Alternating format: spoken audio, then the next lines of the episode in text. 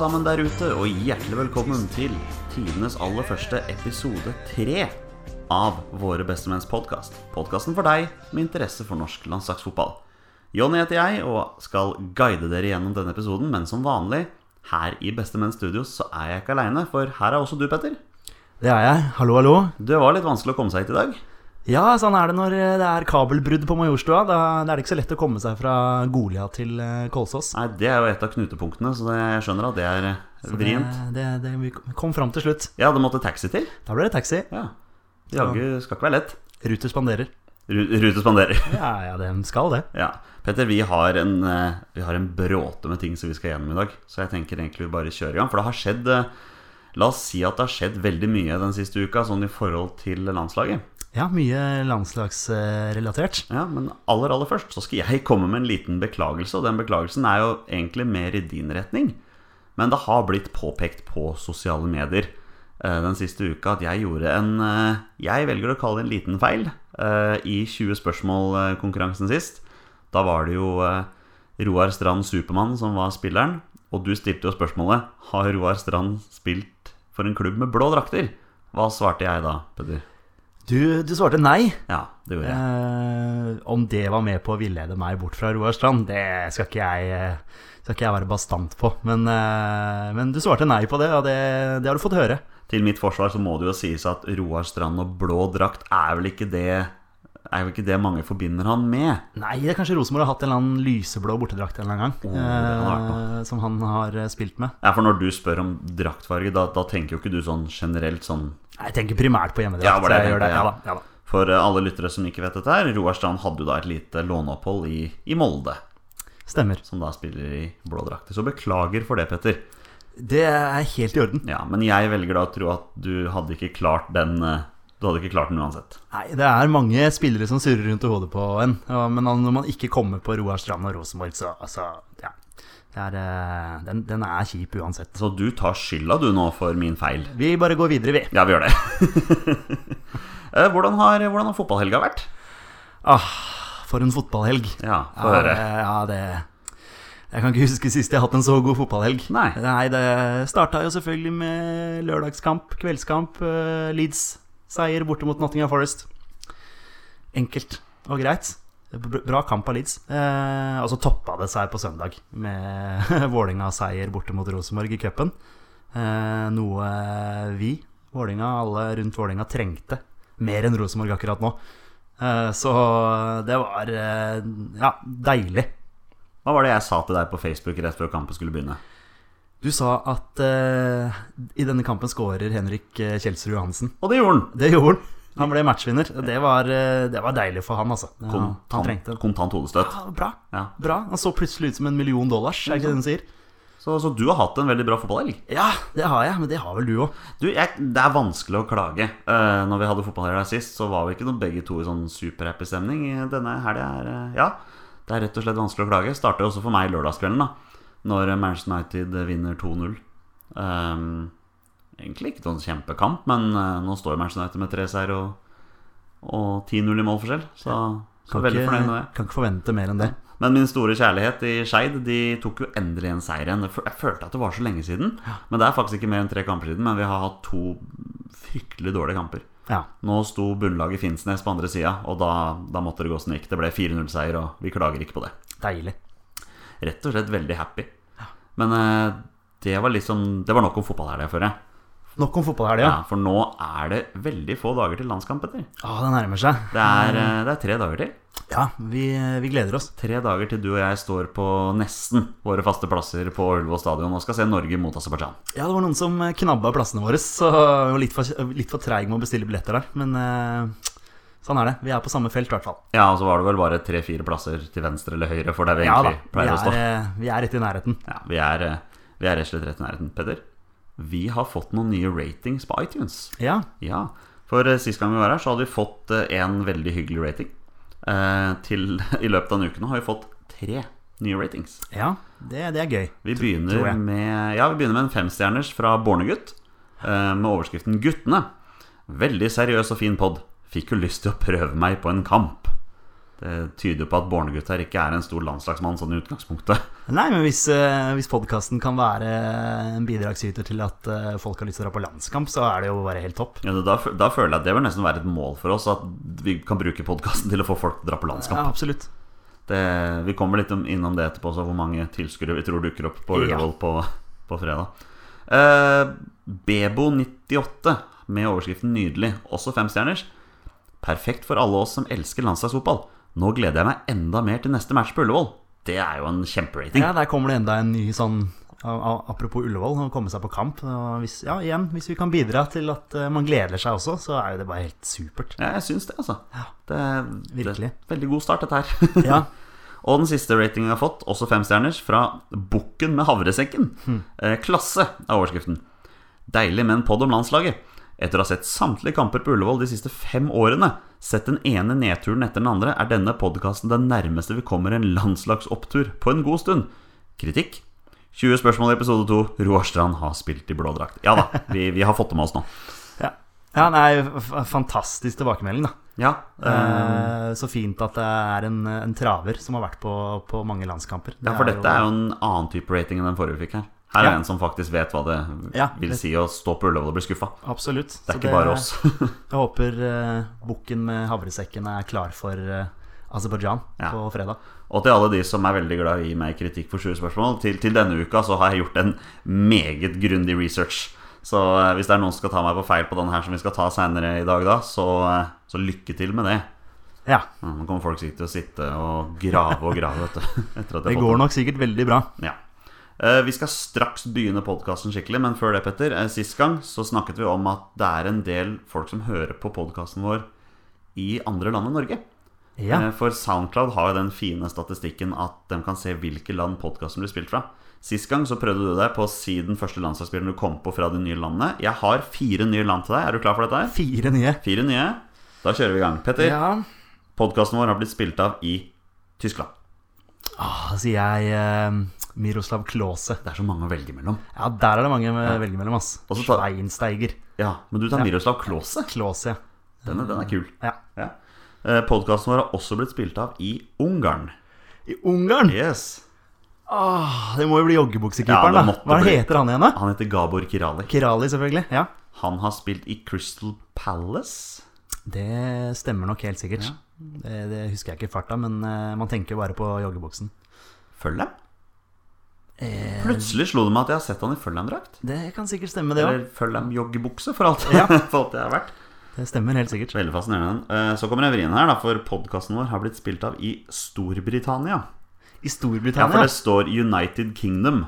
Og da, er det jo, da har du jo England, Skottland, Wales og Nord-Irland, vil jeg tro. Det stemmer nok bra, det. Ja, så da, her har du mange å velge om. Det er bare å fyre løs. Ja, For å si eh, Stuart Dallas, da. Fordi han er Leeds-spiller. Siden han er Leeds-spiller. Og han har vi også sett live. Han har vi sett live, det er Ja. ikke så lenge siden det. Nei, i Nord-Irland i mars. Stemmer. Ja. Og til slutt, Petter, podkasten vår har blitt spilt av i Vietnam. Ok. Og vi går videre. Ja, det, ja det, det, første, det første jeg liksom tenkte, var sånn Ja, det må jo være en eller annen Li eller Hong eller et eller annet sånt, kanskje. Ja, hvis, hvis du sier Hong, så er jeg sikker på Hong, at du ja, da sier jeg Hong. Ok, da sier vi det. Ja. Men da kjører vi i gang denne podkasten. Yes. Ja, det kan ikke gjøres vakrere. Et fantastisk norsk angrep. Og Gunnar Halle, han skårer sitt tredje mål for kvelden. Da skal vi gå gjennom eh, landslagsrelaterte nyheter som har skjedd den siste uka, før vi skal rette et skikkelig fokus mot eh, landskampene mot Aserbajdsjan og Tyskland. Men Petter, rett før vi begynte å spille denne podkasten, så sprakk jo nyheten om at Ada Hegerberg hun gir seg på kvinnelandslaget. Ja.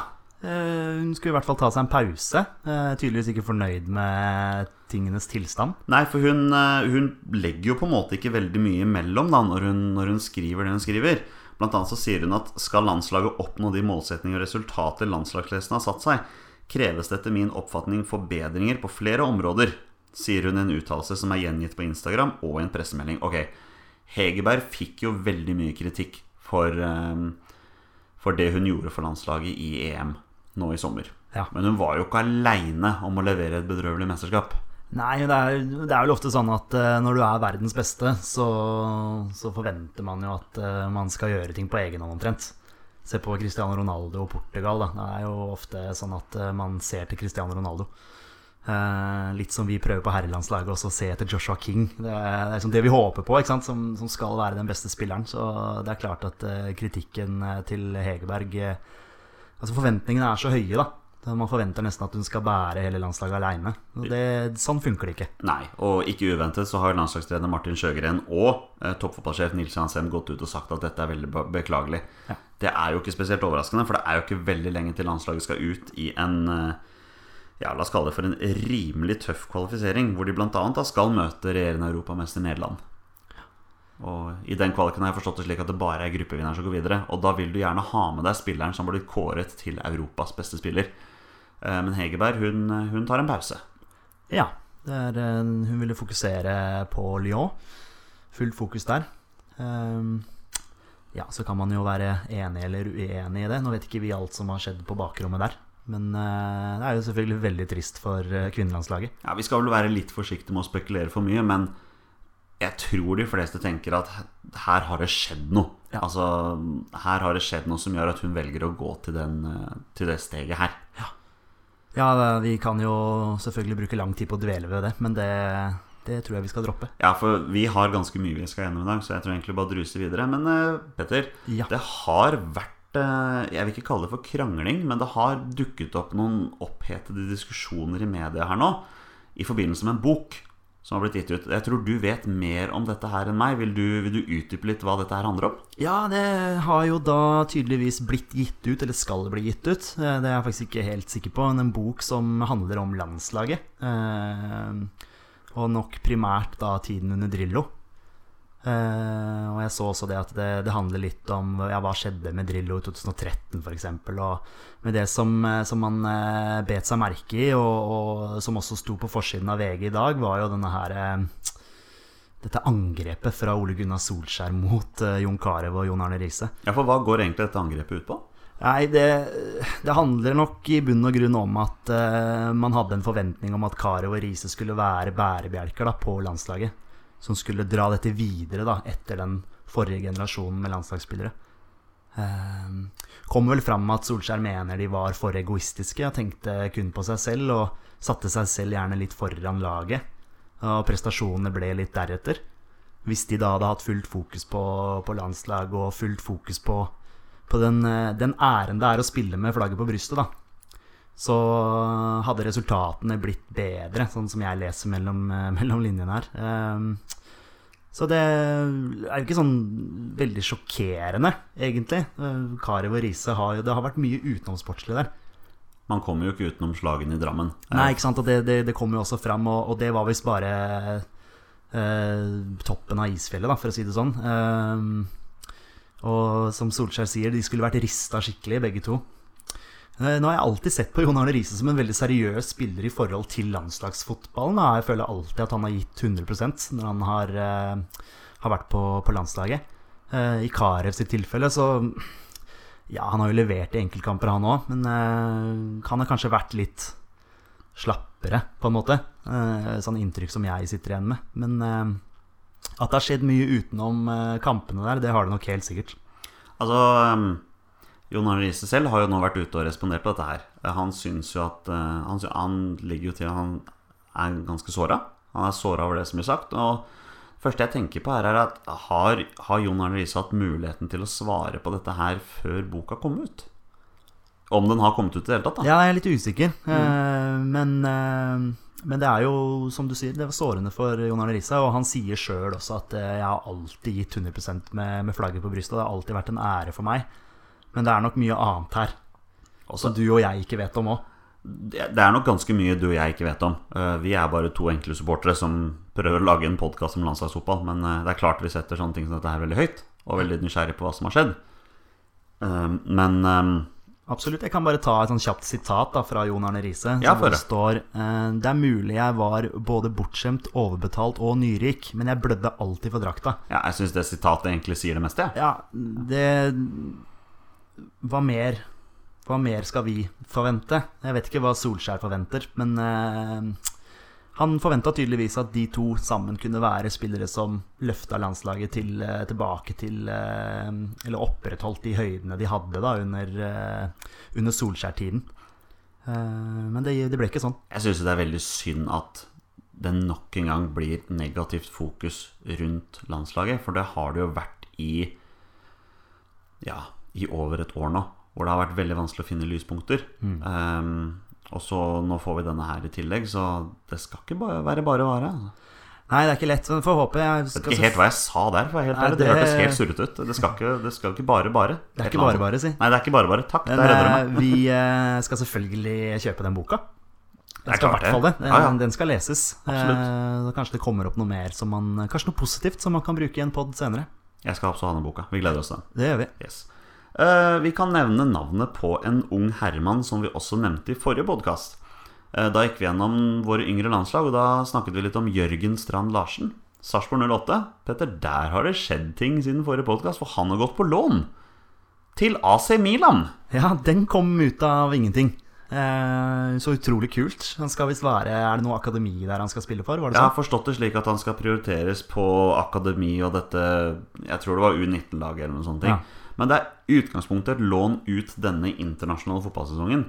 Eh, Jeg tipper det er sikkert fordi AC Milan har lyst til å se veldig mye nærmere på han da For han er jo uten tvil en veldig spennende spiller, og jeg tenker at Helt greit at Sarpsborg 08 gjør veldig mye bra nå, og du har sikkert muligheten til å utvikle deg til å bli en god fotballspiller der òg, men når AC Milan kommer og banker på døra og sier 'Har du lyst til å komme til oss og i ett år og trene og spille kamper og sånn', da sier du ja, altså. Da sier du ja, og det sier Sarpsborg ja til òg. Og det er jo helt supert. Ja, er veldig gøy. Så han får den muligheten der.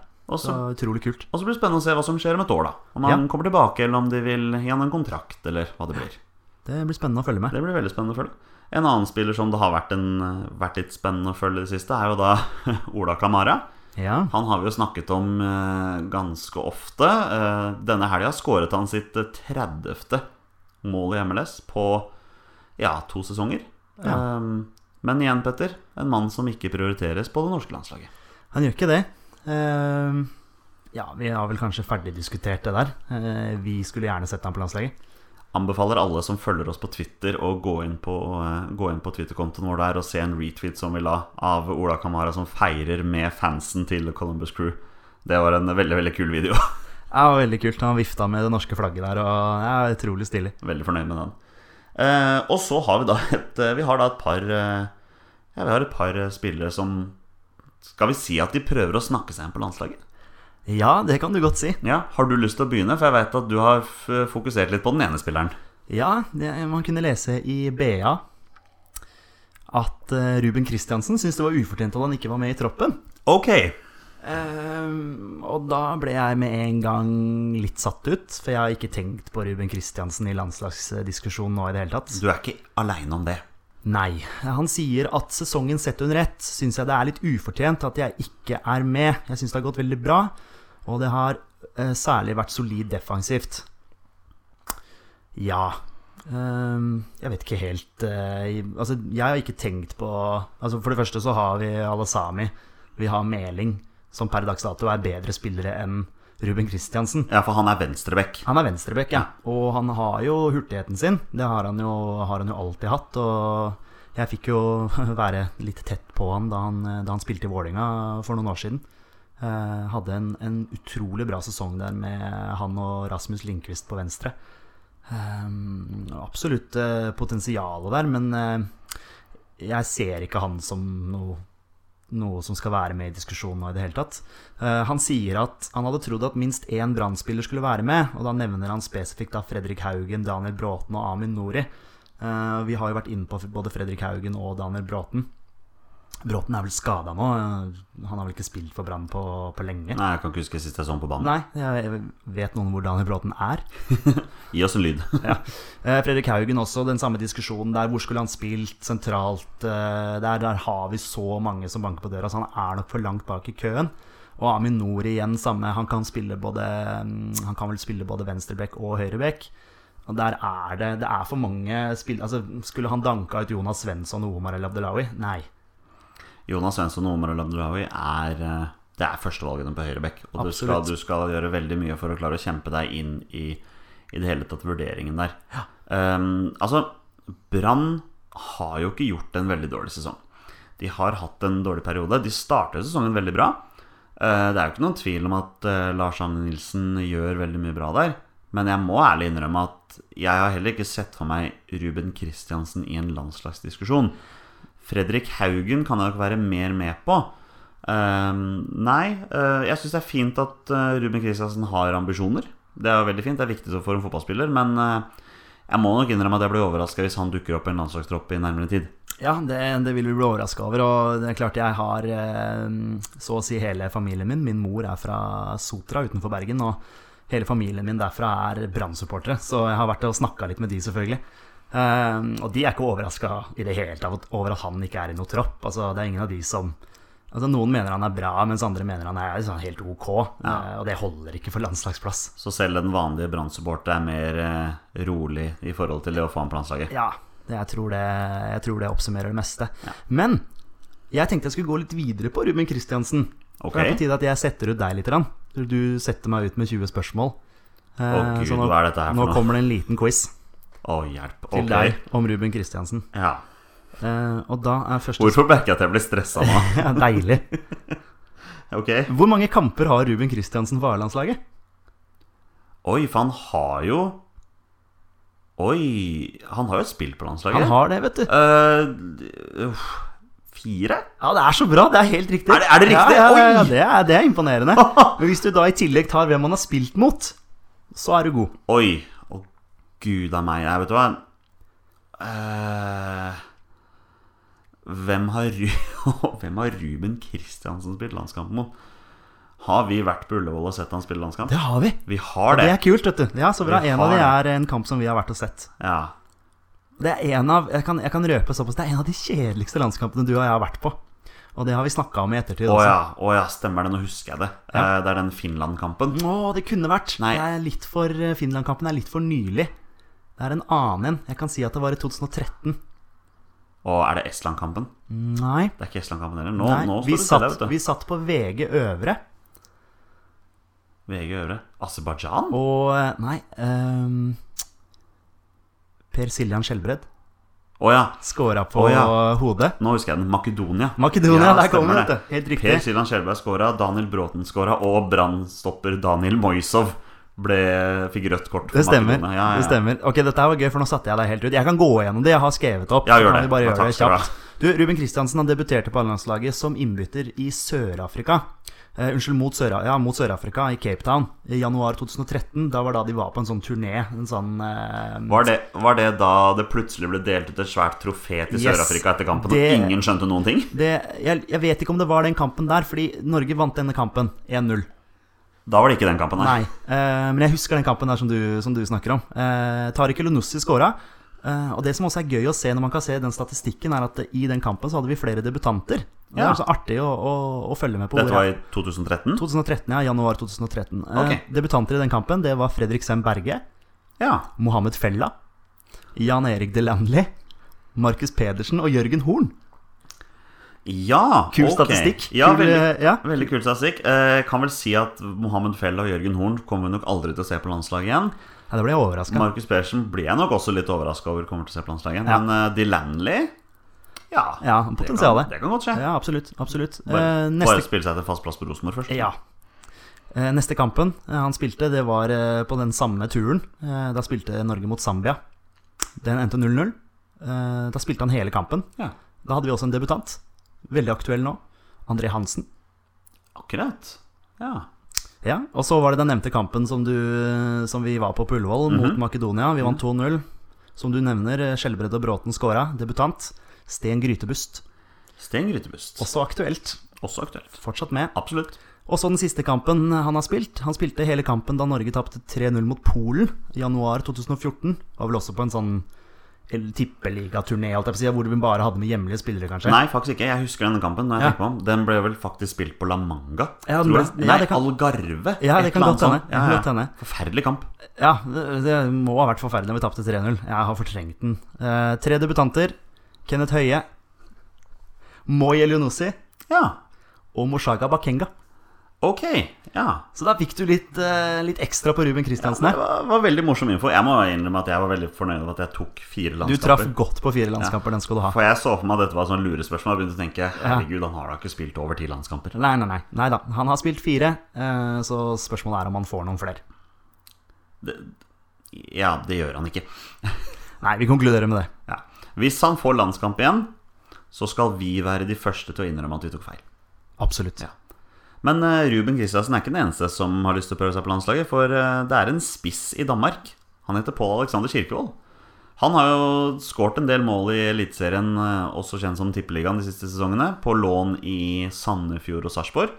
Nå spiller han for Hobro, som har overrasket i, i danske superligaen. Ligger på andre- eller tredjeplass. Pål Alexander Kirkevold skåra seks mål på sju kamper. Oi, det er imponerende. Ja. Ja, ja det, det er igjen den der diskusjonen da om, liksom, om nivået. Eh, nå er vel den danske ligaen eh, rangert høyere enn vår egen liga. Så kanskje på sikt er ikke han ganske stor og sterk. Jo, det er det første jeg tenker også. Men jeg tenker også at det begynner å bli ganske trangt nå med spillere som har lyst til å spille spiss på landslaget. Altså. Absolutt. Ja. Eh, Jeg tenker jo også at Alexander Sørlund, bare for å nevne han også, nå som han er ute av troppen Jeg tror ikke han er veldig fornøyd med det. Så jeg tenker også at han har lyst til å kjempe seg inn, men eh, jeg tenker at er Pål Alexander Kirkevold god nok, så skal han få sjansen. Ja, ja. I Søderlund sitt tilfelle så handler det jo om å, å få seg en klubb nå, så han får spille fast. Når er det overgangsvinduet stenger? Det stenger på torsdag. Ja, så han har dårlig tid. Ja, det er to dager igjen. Ja. Men eh, Pål Alexander Kirkevold på landslaget, Petter? Ja eller nei? Eh, akkurat nå Nei. Eh, jeg, jeg personlig har ikke sett nok av han. Eh, jeg hadde veldig sansen for han da han, da han var i Sarpsborg eh, sist. Men uh, akkurat nå så er jeg ikke oppdatert. Men uh, det er gøy at han har scora såpass mye allerede for uh, Hobro. Ja, og statistikken kan jo ingen ta fra han. Seks mål på sju kamper er jo veldig bra. Ja. La oss se om han fortsetter den trenden. Så får vi se om han i det hele tatt er aktuell for landskampene som kommer i oktober. Yep. Rett og slett. Sander Berge er i, er i vind om, er i vind om dagen. Det ryktes at Sevilla har lagt inn et bud på hele 110 millioner for han. Ja, det, det har alltid vært interesse rundt Sande Berge, har jeg følt. Eh, så utrolig kult hvis han eh, tar enda et steg. Et ganske stort steg òg, fra belgisk til spansk eh, fotball. Ja, for hva tenker vi? Hva er, det beste for utviklingen hans, tenker vi? Kommer han til å spille Kommer han til å spille regelmessig i Sevilla hvis han drar dit? Eller kommer, han kommer garantert til å spille fast i Genk hvis han blir der. Men altså, klart det er, det er nok veldig vanskelig å si nei til Sevilla hvis det er Hvis, det er, eh, hvis dette stemmer, da. At det kommer inn et bud. Men er dette et riktig sted for utviklingen hans, Petter? Det er vanskelig. Veldig, veldig vanskelig. Alt eh, for, for min del i alle fall handler om spilletid. Sånn som du sier, han er sikra det i Belgia. Så hvorfor ikke bare bli der? Men så er det dette her med ah, stor klubb og litt mer penger og litt varmere strøk og det er mye. Og treningshverdagen blir jo en helt annen med bedre spillere rundt deg òg. Så det er nok vanskelig å takke nei hvis det er konkret eh, tilbud fra Sevilla. Og så er det litt sånn i forhold til det her vi snakker om med spilletid og sånn. da Sevilla er jo en av de klubbene i Europa omtrent som har spilt flest kamper de siste sesongene. De er jo for alvor med og kjemper i serien. De har jo kommet, gått til topps i Europaligaen flere ganger. De spiller jo masse europakamper, cupkamper. Altså, la oss si at eh, Sevilla spiller mellom 50 og 60 kamper i løpet av en sesong, da, hvis Sander Berge hadde gått dit. De kjøper ikke en spiller for 110 millioner kroner hvis de ikke er interessert i å bruke han. Hvis de bare ser på det som et utviklingsprosjekt, tenker jeg. Så hvis det stemmer, så får han jo spilletid. Ja, det er et veldig godt poeng. Veldig, veldig godt poeng. Og øh, de vil nok, øh, vil nok få bruk for den. Eh, og jeg bare ser på meg at han er en type som, som, som tar de fleste nivåer. da Så Han gjorde det enkelt da han kom til Vålinga Har gjort det enkelt nå i Genk. Hatt en liten down-periode akkurat nå, har jeg hørt rykter om. Uh, kommet inn på landslaget, gjort det enkelt, tatt det med en gang. Så han, han virker som en type som, som tar de stegene ganske lett. da Og etterpå skal vi gå gjennom hvordan vi tror førsteelveren ser ut uh, mot Aserbajdsjan. Vi har fått et lyttespørsmål på det, men det tar vi når den tid kommer. Det gjør vi. Yes. Eh, så har vi fått et annet lyttespørsmål fra eh, Nå skal jeg håpe at jeg uttaler dette riktig. Mesven Bere. Eh, hvis du hører på dette, Mesven, så håper jeg jeg sa det riktig. Eh, Mesven lurer på Rafik Seknini. Eh, hva er greia? Marokko-Norge? Hva tenker vi? Ja, hva tenker vi? Um... Han har gått til Fiorentina. ja, han har det. Ja. Uh, har jo også fått spilletid der. Ehm, Har jo alltid vært eh, et eh, stort talent her i, her i Norge. Har vært mye, mye prat rundt han. Man har egentlig bare venta på at han skulle ta, ta steget videre. Eh, Men denne sesongen her har han jo ikke vist spesielt godt spill for Odd. Nei, det er litt sånn typisk at det er nå han forsvinner. Eh, Det, faktisk. det tyder jo på at Fiorentina har scouta han en stund, da. Ja da. Og vet hvor god han kan være, og hvilket potensial som ligger der. Men når det gjelder eh, Norge versus Marokko der, så, så er det vanskelig Altså hvem, Hvilken plass skulle han tatt nå? Han er vel en, eh, han er vel en kant, er han ikke det? Eh, Jeg ser for meg han som venstrekant, kan ja, det stemme? Ja, og der har vi vel litt fighting om plassen. Så det er vanskelig. Ville han blitt en i mengden her? Og når jeg vet ikke status på Marokko. Altså, hvor gode er de nå? Jeg aner ikke. Det, eneste jeg tenker forbinder med Marokko, er eh, da vi møtte dem i VM 98. Det, det er det jeg forbinder med Marokko. Jeg er ganske sikker på at Marokko har et veldig bra landslag. Ja, De har det helt sikkert. De har det helt sikkert. Eh, det, jeg vil egentlig ikke uttale meg om det. Jeg har ikke nok eh, input der. Nei, og jeg tenker jo at per dags dato så er ikke Sikhnini en som skal prioriteres på landslaget. Men uh, la oss se om han får en del spilletid for Fiorentina, da. Så kan vi ta den diskusjonen uh, neste gang det blir mer aktuelt. Ja. For nå tenker jeg, Petter, nå har vi gått over en del interessante nyheter, men nå retter vi fokus mot landskampene mot Aserbajdsjan og Tyskland. Keeper blir stengt, og det er skåring. Det er skåring, og Ståle Solbakken, som ikke har skåret før denne kampen, gjør sitt andre mål. Førstkommende fredag er det klart for ny landskamp. Da er det Aserbajdsjan som står på motsatt banehalvdel på Ullevål stadion. Før vi tre dager etterpå tar turen til Tyskland for et møte med ja, Tyskland, rett og slett. Eh, Jeg mistenker at veldig mange tenker at Aserbajdsjan er et lag vi, vi skal slå. Og la det være sagt med en gang at selvfølgelig skal vi jo slå Aserbajdsjan, men Petter, jeg mistenker at mange tror Aserbajdsjan er en walk in the park, og jeg er ikke sikker på at de er det. Nei, nå, nå er det en stund siden vi har slått Aserbajdsjan òg. Jeg husker med gru den kampen eh, på bortebane her, eh, hvor vi tapte 1-0. Så forferdelig dårlig. Men- Eh, Og hadde også en hjemmekamp mot dem hvor vi spilte 0-0. Så eh, de har jo utvikla seg, de òg. Aserbajdsjan var jo et av disse landslagene på 90-tallet som alle bare skulle dra til og spasere og ta med seg tre poeng. Eh, Det har skjedd saker og ting i aserbajdsjansk fotball siden den tid. Og la det være sagt med en gang jeg tror vi vinner på fredag. Jeg tror vi vinner, for jeg mener at vi skal være et bedre lag enn Aserbajdsjan. Men Aserbajdsjans fotball har hatt en opptur. Nå i år, første gang, har de et lag i gruppespillet i Champions League. Ja, det er stort. Det er Karabakh FK. Um, ni av spillerne i, på Karabakh spiller for det aserbajdsjanske landslaget. Og bare for å nevne, da Karabakh har i tillegg til Champions League-deltakelse nå vært to år på rad i gruppespillet i Europa League. Uh, det er det jo ikke mange norske lag som har gjort.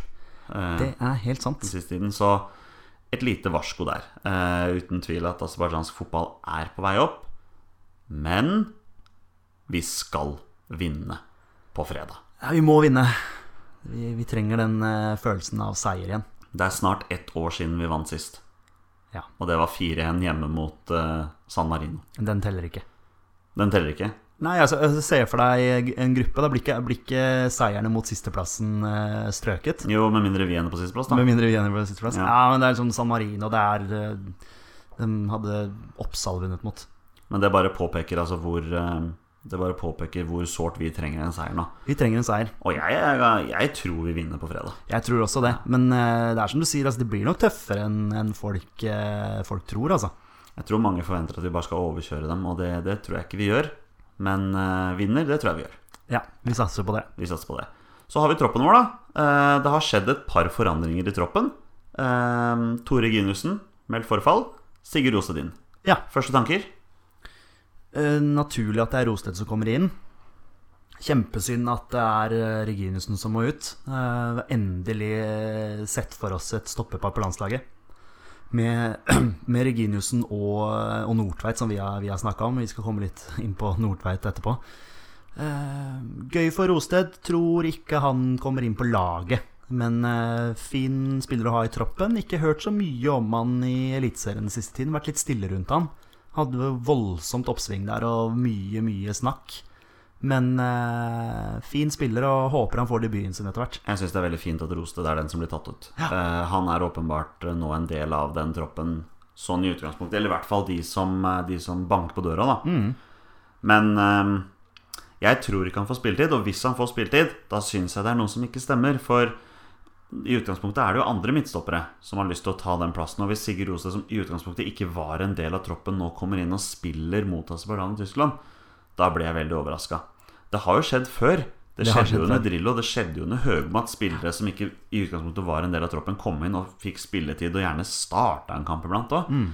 Og da er det noe som skurrer for meg, altså. Ja, det er jo en merkelig, merkelig prioritering. Ja, men eh, men eh, ja, vi tror han eh, får benketid både mot Aserbajdsjan og, og Tyskland, med mindre det skulle skje noe mer. Og et godt treningsopphold. Ja. Ja, la oss si det sånn. Eh, Du har tatt en titt på landslagstroppen vår og hvordan de har gjort det for sine respektive klubblag den siste tida. Eh, Hva er den generelle tanken? Jeg har sett på hvordan de har eh, gjort det, sett mest på spilletid, egentlig. Altså spiller de gutta som vi har i troppen. For det er jo viktig. Det Ja, det er det. Ja, ja, absolutt. Ehm, og så har ikke jeg eh, gått sånn voldsomt i dybden på hvilken rating de har fått, og hvor mange berøringer de hadde på ball osv. Men, Men det er eh, klart at noen spillere har vi lagt mer merke til enn ja da, det er lett, lett når man eh, har fått scoringer og sånne ting. Da, da, da ser man jo det. Eh, vi starter med, med keeperplassene. Eh, Sten eh, Mikael Grytebust. Spiller for Odense. Spilte hele kampen for eh, OB, som endte 2-2 her, mot eh, Sønderjyske. Ja. de leda 2-0. Slapp inn 2-2 på overtid. Ingen Kunne ikke gjøre noe med måla. Jeg så høydepunktene. Det var ikke noe, ikke noe tabber. Nei, du har sett høydepunktene? Jeg har sett høydepunktene. Så fint. Ok. Jeg, jeg, jeg, jeg, ville finne ut fordi uh, Sønderjyske bomma på straffe. Eh, Så jeg ville finne ut om Grytebust redda den. Det var sånn, å, så Deilig for selvtilliten hans før eh, han kommer inn på landslaget. Men, Men det gjorde han tydeligvis ikke. ut, han skjøt utafor. Utover. Grytebust gikk dog til riktig side. Ja, men da, det, da var han med å presse den ut. Når, eh, vi, vi gir han den. Under Eh, tvil. Ja. Eh, André Hansen, cupkamp hjemme mot Vålinga De tapte den. Han, Der spilte han jo ikke. han var på benken. Ja. så, så det er den jeg har fokusert på her, for hva de har gjort i helgen. Vi kan jo selvfølgelig fokusere på Ajax-kampen, hvor han igjen sto en, en veldig veldig god kamp. Jeg syns vi må ta han fram. Ja, jeg syns absolutt. absolutt det. Eh, Hansen sto en kjempekamp Han mot Ajax. presterer så bra for tiden, og det har vi sagt i, i forrige pod også. Det er, eh, jeg håper det skjer noe rundt han nå eh, i overgangsvinduet. Ja, men At, at han forsvinner. Men selvfølgelig for hans del òg, så utrolig kult for han å representere Rosenborg og Norge da, i, ute i Europaligaen der. Så det er vanskelig. Men jeg, som sagt, håper han tar steget ut. ja, når du har spillere som har spilt for Skeid, så veit du at eh, prestasjonen er på høyt nivå. En gang Skeid, alltid Skeid. Oh yes. Yes, Vi hopper videre til Rune Almenning Jarstein. La meg gjette, han satt på benken hele kampen. Det gjorde han selvfølgelig Nei, han ikke. det. Eh, spilte hele kampen selvfølgelig borte mot Dortmund. Eh, Tapte 2-0. Ja, Det var ikke noe overraskelse. Nei da, Uttakbare skåringer. Eh, også sett høydepunktene der. Ja, ok. Uh, Nestemann på lista, uh, Haitam Alesami. Ja. Eh, Spilte seriekamp eh, for Palermo mot Spezia. Ja, for dem er jo i Serie B, de nå. Ja, Ja. det stemmer. Eh, spilte hele kampen på wingback slash venstrekant. Litt usikker på formasjonen deres, men han spilte i hvert fall veldig høyt i banen. Eh, de vant 2-0. Eh, ikke sett om han har hatt noen assist, eller eh, Han har i hvert fall ikke scora. Men han er tidligere Skeid-spiller, så han var banens beste. Apropos tidligere Skeid-spiller, vi hopper videre til Omar El Abdelawi. Som spilte hele kampen mot eh, Lamia for Olympiakos. De vant 1-0. Og her må vi påpeke de spilte jo også Champions League-kvalifisering i midtuka. Gikk til gruppespill Champions League. Ja. Omar Labdelawi var kaptein Ja. for Olympiakos. Det, det er stort. Det er mye mulig han var det her også. Det, det så jeg ikke. Men han spiller Men i hvert fall. eh, nok en Skeid-spiller. Det er mye Skeid-spillere. Det er gøy, Det, det. det er kvalitet over hele rekka, vet Det, du. det er det. det, er det. Nestemann på lista, Birger Meling. Um, Bra kamp for Rosenborg mot eh, Ajax. Ja. Uh, På min liste står det cupkamp hjemme mot Vålerenga. Der var han ikke like god. Spilte høyreback mot Vålerenga. Ja, for han var venstrebekk mot Ajax. Ja, det stemmer. Eh, slo jo mye inn med høyrefoten. Han har jo en brukbar høyrefot òg, men jeg syns han så litt, litt grann ukomfortabel ut. Han er vel tiltenkt en plass på venstrebekk. Ja da, absolutt. Eh, Mye av innleggene hans gikk rett på hodet til en Vålerenga-spiller, heldigvis for, for vår del. Men jeg jeg var litt overraska over, over at han spilte der. Men mm. det var han Gersbach som spilte på venstrebekken. Ja, okay. Ja. Vi hopper videre Det er fint en for øvrig å høre at alle, alle får spilletid. Ja, ja, ja de, de aller fleste de gjør det. Og liksom, som du sier, så har jo noen da, av disse Rosenborg-spillerne da spilt i eh, Europa. Eh, eh, hvis de ikke har fått spilletid mot Vålerenga. Så det, det er helt supert. Vi hopper videre på lista til en litt mer uheldig herremann eh, ved navn Håvard Nordtveit. Oi, oi. Eh, vi kan jo starte med den Liverpool-kampen, selvfølgelig. Ja, så gjør det. Hvor han ja, spilte midtstopper, da, noe som du og jeg veldig gjerne vil at han skal. Eh, veldig mange sier at eh, han skal spille midtbane, men ok, greit, kanskje han må spille midtbane på klubblaget, men på landslaget syns jeg han har vært god som, som midtstopper. Uh, har jo tydeligvis blitt prøvd der i, uh, i uh, Tyskland også. Ikke så veldig bra I i Hoffenheim der. Og det, nei, han, han var på etterskudd, altså. På de, han ble bytta ut etter 25 minutter der, eller noe sånt. Og da leda jo Liverpool. Var det 3-0 de leda Ja, hvis du ble blir bytta ut etter 25 minutter, da er du syndebukken, Ja, altså. det, Dessverre. det er det. Og så er det typisk at han som kommer inn da for Nordtveit, skårer reduseringsmålet for Hoffenheim. Det Ja. er sånn Det var viktig å påpeke at han som kom inn også, da, er spiss, da. Ja, ja, for all del. Ikke, ikke for all del, men det er liksom bare Det bare, det bare summerer opp over Ja, Nordtveit. rett og slett. Eh, de hadde seriekamp i helgen eh, borte mot Leverkosen, og da satt han hele kampen på benken. La oss håpe det ikke er et signal på ting som kommer. Ja, Det er veldig trist i så fall. Ja. Fordi eh, jeg føler igjen at han Han skal spille stopper på landslaget. Og jeg syns han har vært god. Kanskje det er lov å håpe på at vi får se en revansjesugen Håvard Nordtveit mot Vi, Aserbajdsjan. vi må bare håpe på det. Ja. Nestemann, Tore Reginiussen, har jo da meldt forfall. Mm. Eh, var ikke i troppen mot Vålerenga og har jo da ikke blitt kvitt denne skaden sin ordentlig. Dessverre. Jeg, jeg tenker han fikk, seg han fikk seg et psykisk eh, smell, rett og slett, når han skårte selvmål mot Ja. eh, Haugesund i serien. Stakkars. Ja.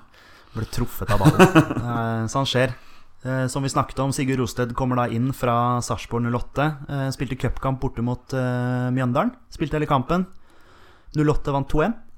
Uh, har jo da kommet seg videre til, eh, til semifinalen og Ja. møter Vålerenga. ja, etter en uh, trekningsskandale av de store, tydeligvis. Den skal ikke vi bruke tid på. Nei, det skal vi absolutt ikke. Det, vi bare går kjapt gjennom her. Jonas Svensson uh, spilte hele kampen for Aset. Det er jo så fett at han spiller fast. Eh, det er jo denne høyrebekk-diskusjonen igjen, da, at den er, eh, er jevnere enn på lenge. Det er fint å ha duell der. Absolutt. Spilte hele kampen for Aset. De vant 2-1 borte mot Vitesse.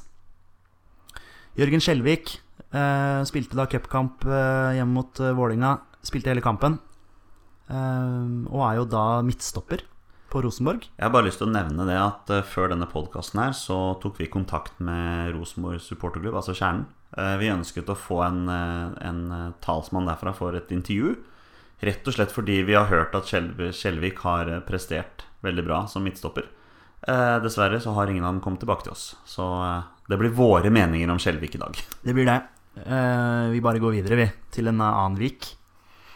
Ja. Gustav Walsvik. Mhm. Spilte hele kampen for uh, Eintracht Braunschweig uh, borte mot Kaiserslautern. Den kampen endte 1-1. Og han spiller jo fast. Det er veldig fint. Så det vi konkluderer med nå, er at alle keeperne og alle, alle forsvarsspillerne har spilt kamper. Ja, spilt kamper den siste tiden. Knallbra. Uh, ja, Håvard Nordtveit har spilt 25 minutter, da, men eh, Han har spilt. han har spilt. Han har spilt. Vært delaktig, i hvert fall. Og så er det Sander Gard Bolin Berge. Ja, Seriekamp eh, hjemme mot Mechelen. Jeg skal ikke bruke tid på å jeg syns du tok Ja. den fint, jeg. Spilte hele kampen, de vant 1-0. Eh, Det har vært stilt litt spørsmålstegn ved Sander Berge sine prestasjoner den siste tiden. Det har det. Eh, har jeg sett. Jeg har, sett vært- han, jeg har ikke sett han spille selv, men ja, man har lest. Han har visstnok vært involvert i et par uheldige situasjoner. Ja. Har jeg lest. Eh, det er veldig synd. Er det noe Er han sliten? Har han mye å tenke på? Er, er disse spekulasjonene Går det utover prestasjonen hans? Men overgangsvinduet stenger jo på torsdag, så da kan han sikkert puste lettet ut etterpå. Ja.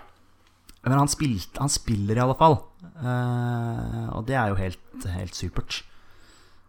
En eh, ny midtbanespiller, Jo Inge Berge, uh, hadde seriekamp hjemme mot IFK Göteborg. Jeg satt og så høydepunktene på den. Det så ut som en utrolig kul kamp. Ja. Malmö IFK Göteborg. ja, Det høres ut som en kul kamp. Bare ja. hør hvilke lag som er med. Kampen endte 2-2, og Jo Inge Berge skåra. Ja. Utligna til 1-1. Eh, så han er i form. Skårer mål. Eh, den diskusjonen tar vi etter hvert. Yes, den Eh, kommer etterpå, den også. Yes, for det her hans motstander da, på denne midtbaneposisjonen er jo Mats Møller Dæhlie. Ja. Han eh, kom inn for eh, San Pauli etter, eh, etter pause. Spilte hele andre omgangen. Eh, San Pauli vant 1-0 på overtid. Eh, skulle ønske jeg kunne si at det var Mats Møller Dæhlie som skårte 1-0, men det var det ikke. Det hadde vært fantastisk. Men eh, han spilte i alle fall eh, hele andre omgangen. Det har vært snakk om at uh, San Pauli har fått ny trener. før denne sesongen, og de har visstnok bytta formasjon. Så det kan jo ha noe å si for at han kanskje ikke spiller like mye som han gjorde i fjor. De vant for øvrig 1-0 mot eh, en gammel eh, Fifa-kjenning av oss, Heidenheim. Ja, den, eh, den, var, eh, den var snever. Den Ja. er det bare du og jeg som eh, har Ja. kunnskap til. Ja. Vi hopper videre, vi. Det gjør vi. Til eh, Mohammed Amine Elionossi, som spiller for Basel, selvfølgelig. Amine, sier du? Ja. Ja. Eh, De spilte mot Sion. Spilte hele kampen. Eh, Kampen endte 1-1. Han hadde assisten for, eh, for Basel. Notere målpengene, da. Han gjør det, vet du. Han er, er han den beste spilleren vi har på landslaget nå? Eh, still meg det spørsmålet etter kampene som kommer nå. Ja, greit.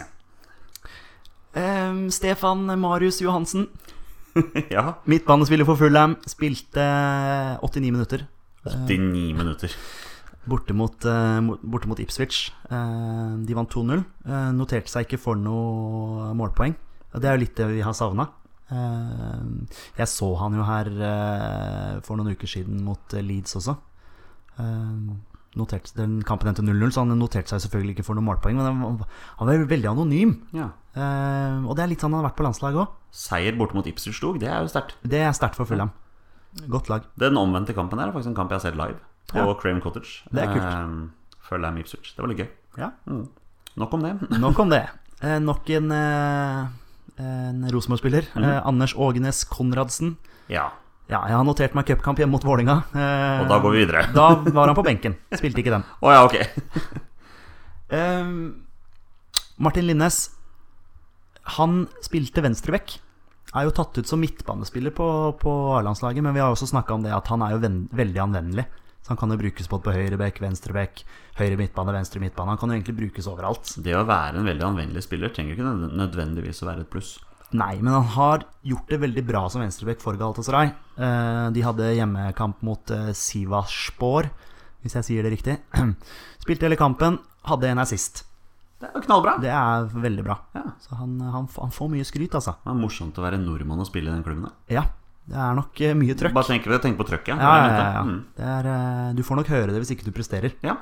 Så um, nestemann, Ole Kristian Selnes. Ja, og her er det jo bare å ta fram superlativene, har jeg skjønt. For her har det vært mye bra. Han er er en god spiller. Uh, spiller fast for Sant igjen. De møtte PSG i, uh, i helgen. Uh, det ble for tøft. De tapte 3-0.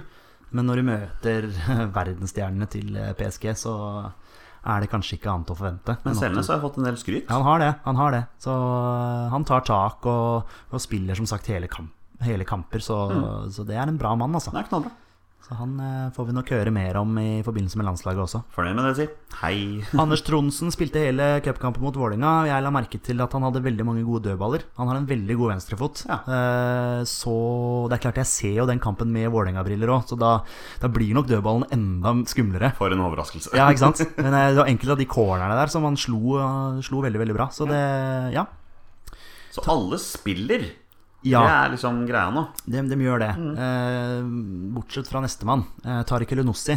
Var ikke i troppen. De spiller eh, altså for Olympiakos eh, bortekamp mot eh, Lamia. Lamia. Eh, jeg veit ikke om han er skada. Han har ikke meldt noe forfall til landslaget. Nei. Jeg får bare håpe at, at han fortsatt er med. Men han var i fall, var i hvert fall ikke i troppen. Vi får gi han litt mer tid. Og så kommer det en litt artig en her. Bjørn Mars Johnsen. Eh, Ja. Ado Den Haag. Han skårte sitt første mål. Hei, hei! Gratulerer for det. Klapp. Ja. Men han ble da danka ut da i den kampen her av Morten Thorsby. De møtte Herenfen. Ja, riktig. Herenfen vant 2-1. Eh, Ja. Morten Thorsby skåra to. Det er jo absurd, for han skårer nesten ikke mål. Ja, det er, han er, er ikke han toppskårer nå? Jo, det varer jo ikke så lenge, men Nei da, eh, det er morsomt. ikke det. Det er, veldig veldig morsomt. Eh, men utrolig gøy for eh, Bjørn Mars også, at han eh, kommer i gang med, med skåringene der. Mm. Eh, fint å ta med seg inn på landslaget. Skåra reduseringsmålet. Det holdt eh, dessverre ikke. Og så nestemann, nest siste, Joshua Christian Kojo King. Det visste du ikke at, visste du ikke at den het. Jo, det visste jeg. Det visste du. Ja. De hadde seriekamp hjemme mot Manchester City. Eh, spilte hele kampen. Jeg har ikke sett kampen, men eh, hørt at han har fått mye skryt. Jeg har sett kampen. Ja, Jeg har sett kampen. Ja. Han var veldig god. ja jeg har hørt at han, Eh, han skapte mye og jobba og sleit og ja. Unna han virkelig en scoring i den kampen. Han hadde et veldig bra skudd helt opp i krysstoppen og var sånn Ja, hvis han ikke scorer den kampen her, da Ja. Og det gjorde han jo ikke heller, så Men han kommer, eh, han kommer i gang. Eh, Skåra jo 16 mål i forrige sesong.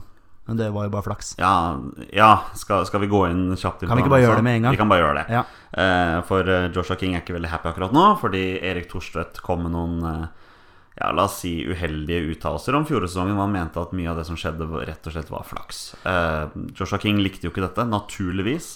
Eh, men, men da får Joshua King vise da at fjoråret ikke var flaks. Ja, men altså Kan du flakse deg til 16 mål i Premier League? Nei, da er du god. Ja, altså jeg, jeg skjønner ikke at man kan bruke tiden sin på å, å melde noe sånt nå. Om at når du scorer mål Når du scorer så mange mål, så er det flaks. Jeg, klarer ikke å skjønne det. Joshua King hadde en fantastisk eh, sesong i fjor. Han hadde en veldig bra sesong i fjor, og selvfølgelig, hvis man ser på statistikken, så var det jo en unormal sesong i forhold til antall skåringer.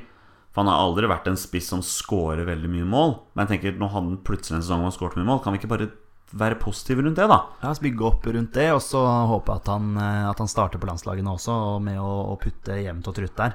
Og selvfølgelig at han putter jevnt og trutt for Bournemouth også. Det hadde vært utrolig gøy. Jeg velger å calle det nå. Joshua King scorer mot Aserbajdsjan på fredag. Ja, jeg er helt enig. Ja. Eh, Sistemann, eh, apropos skåringer. Alexander Sørloth. En mann i storform. Ja, seriekamp hjemme mot Lyngby. Kampen endte 1-1. Han scora 1-0. Eh, og han fikk assist fra en gammel uh, ja, tippeligakjenning, blir jo det. Uh, Strømsgodsets Gustav Vikheim. Gustav Mendonca Vikheim. Oh, Mendonca. Mm, klasse. Uh, Innlegget var veldig bra.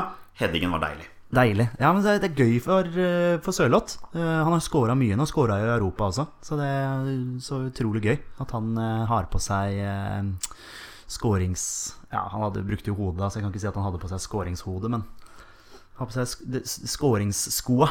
Vi konkluderer rett og slett med at eh, troppen er i spilleform.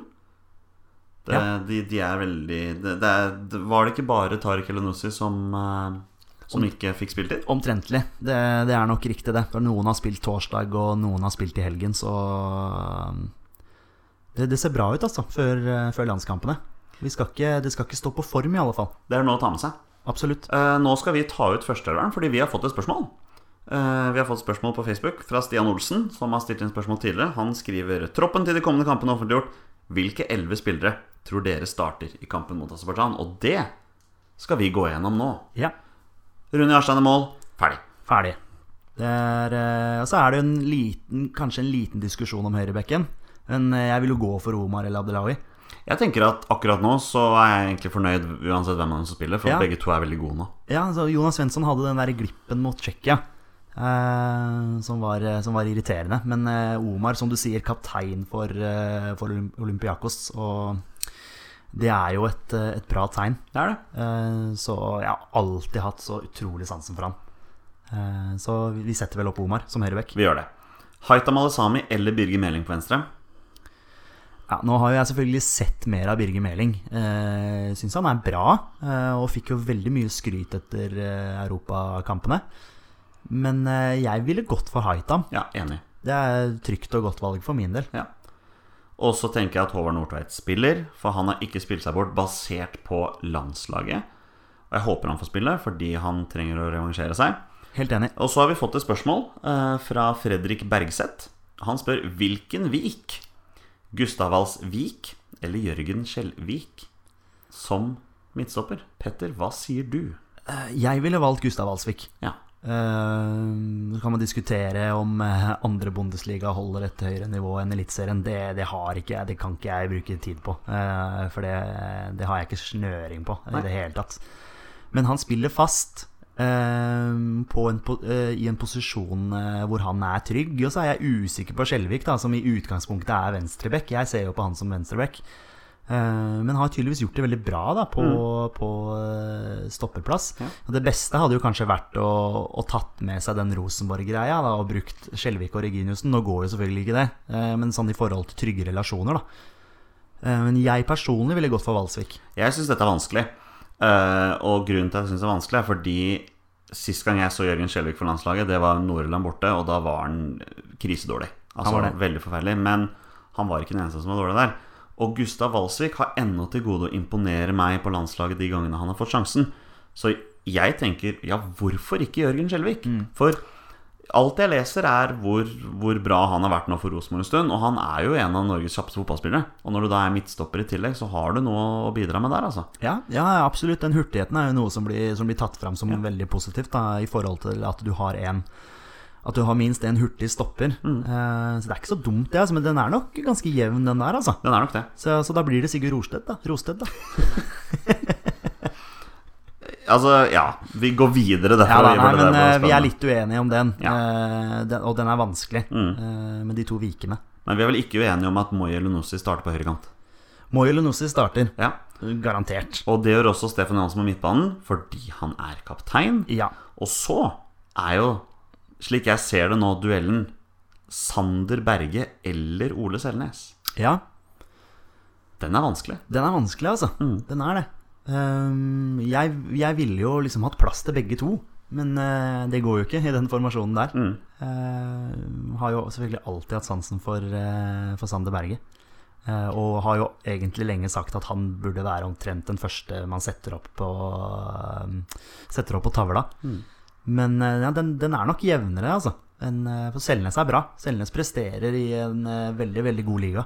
Jeg ser dette her som helt åpent. Eh, Så da konkluderer vi med at Anders Tronsen starter som makker for Stefan Johansen. Nei da. Uh, Det blir Sander Berge eller Ole Selnes, og jeg tenker at uh, den av de som nå får starte, må vise seg fram skikkelig. Ja. Så er det venstrekanten, og der har jo vi hatt en poll gående på Twitter. Eh, Vi stilte rett og slett spørsmålet Hvem vil dere ha? Eh, Jo Inge Berge eller Mads Møller Dæhlie? Det endte jo, Petter, med en knusende seier til Mads Møller Dæhlie. Ja, det var, eh, det var en brakseier. Fikk vel ja, var det over 80 av stemmene. Du og jeg, store supportere av Mads Mats Møller Dæhlie, yep. har veldig sansen for, for spilletypen. Men Jo Inge Berge gjør det veldig bra for Malmö òg.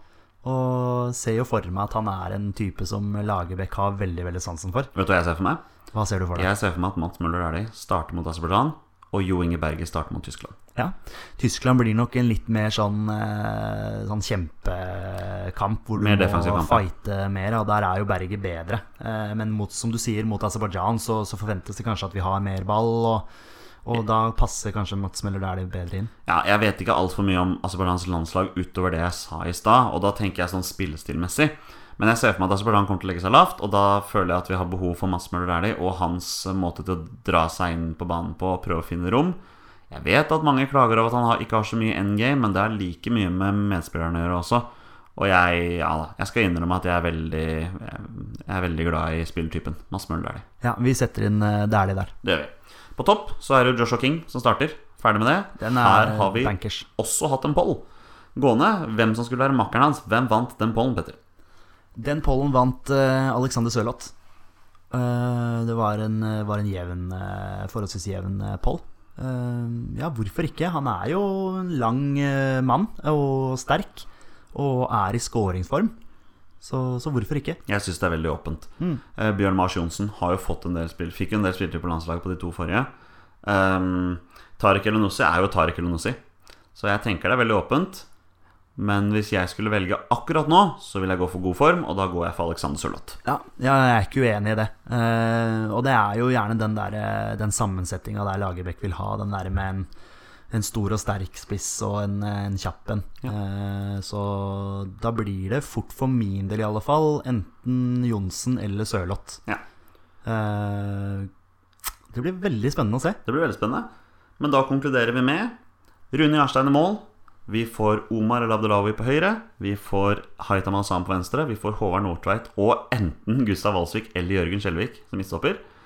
Stefan Johansen og Sander Berge eller Ole Selnes sentralt. Moi på høyre. eh, Mats Møller Dæhlie på venstre. Joshua King og Alexander Sørloth. Ja, vi konkluderer med Sørloth. Ja, vi gjør det. Ja. Og så um, går vi for tre poeng mot Aserbajdsjan på fredag. Det trenger vi sårt. Ja. Akkurat nå ser jeg for meg at den kampen mot Tyskland på mandag uh, Det eneste jeg forventer å se der, er et norsk landslag som gir alt, fordi Tyskland er kanskje verdens aller beste landslag. De er Tyskland, rett og slett. Eh, Det er ekstremt vanskelig å få med seg noe fra dem. Man må virkelig ha dagen, og de må ha en dårlig dag. Så Den kampen, alt utenom et uh, stort tap, da er jeg fornøyd. Vi går for, en, uh, vi går for et hederlig tap, kan vi si det?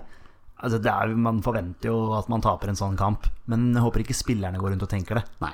For det var det vi gjorde på hjemmebane, det snakka vi om sist gang. Også. Det snakket vi om sist gang, eh, men det er klart, i den situasjonen Norge er i nå, så må vi bare Jeg ønsker å dra fra den kampen med en god opplevelse. Ja, en, en god prestasjon. En god prestasjon. Ja. Skal vi si det sånn? Vi gjør det. Da sier vi det sånn.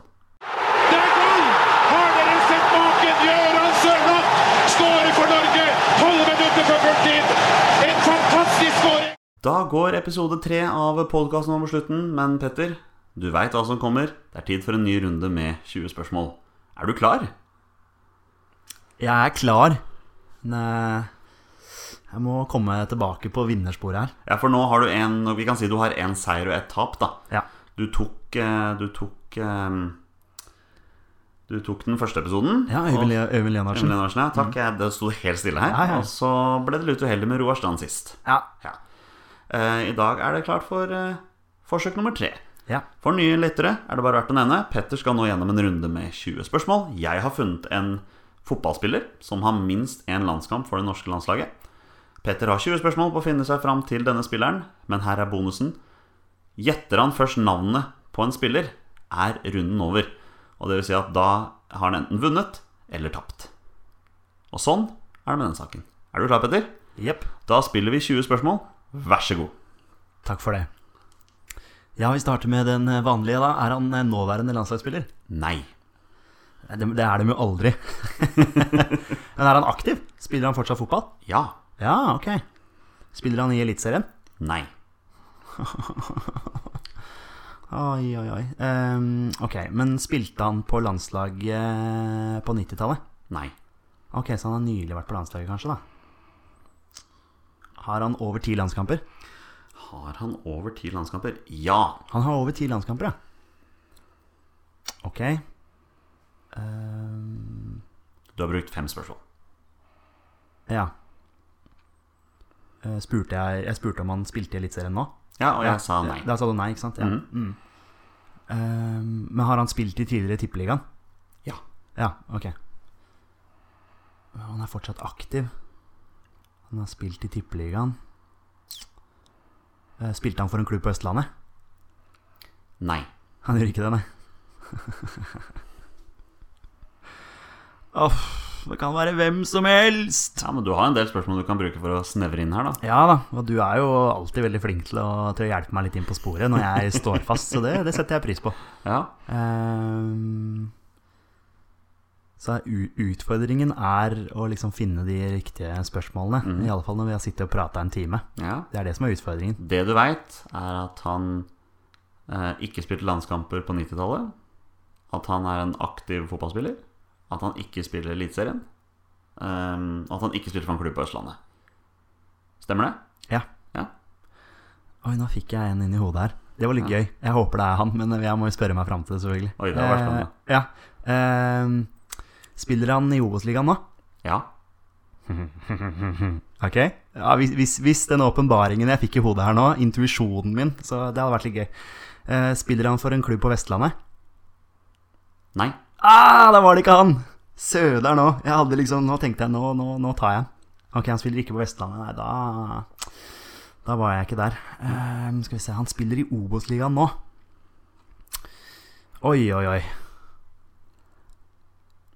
Jeg kan hjelpe deg litt fremover. da. Du har ennå ikke spurt om posisjon. Nei, nei, takk, takk. Det, det har jeg jo eh, i hodet her, men den kom ikke fram. Hvilken posisjon er det? Skal vi se, da må jeg begynne med Er han angrepsspiller? Nei. Han er jo aldri det, vet du. Det er ti spørsmål. Du tar bare midtbanespiller, du.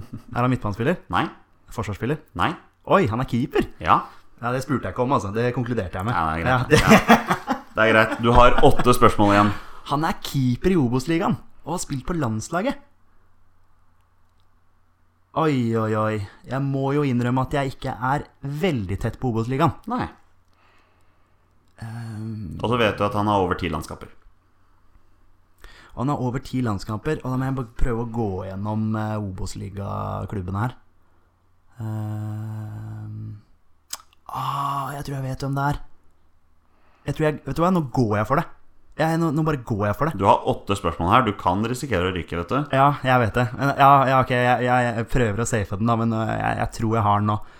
Eh, hvis jeg ikke har den nå, så, så står jeg helt fast. Um, har han spilt for Brann? Ja. Er det Håkon Oftdal? Ja, det er Håkon Oppdal. Deilig! Nå, til tider her nå står det ut som et spørsmålstegn, altså. Ja, ja, ja. Nei, men det, ja, men det, er som jeg, er som jeg sier, da. Vi, vi er nok litt slitne begge to. Vi har sittet i en time og prata, og så skal jeg drive og, og, og kverne, kverne her. Men uh, den første jeg tenkte på, var Erik Huseklepp. Det var det jeg skjønte. Ja, ja. Det var det jeg tenkte. Så det var derfor jeg tenkte Ja. Har han spilt for Spiller han for en vestlandsklubb? Tenkte jeg. Han spiller for Åsane nå. Nei. Ja, men Håkon Oftdal, den, den er fin. Ja. Og da har du to seire, da. Deilig. 2-1. 2-1, rett og slett. Yes. Og med det tenker jeg at det er på tide å runde av denne podkasten. Vi sier nok en gang tusen takk til alle som velger å høre på oss. Dere er fantastiske alle sammen, og vi har blitt så glad i dere. Ja, Vi setter så stor pris på det, eh, og setter så stor pris på de positive tilbakemeldingene vi har, vi har fått også. Det er superhyggelig hvis dere vil ta dere tid til å gå inn i iTunes og, og gi oss en rating. Det, det, altså det å lese det at den, den skryten vi har fått der, det, det betyr masse, og vi er eh, to hobby, hobbypodkastere, kan vi kalle oss det.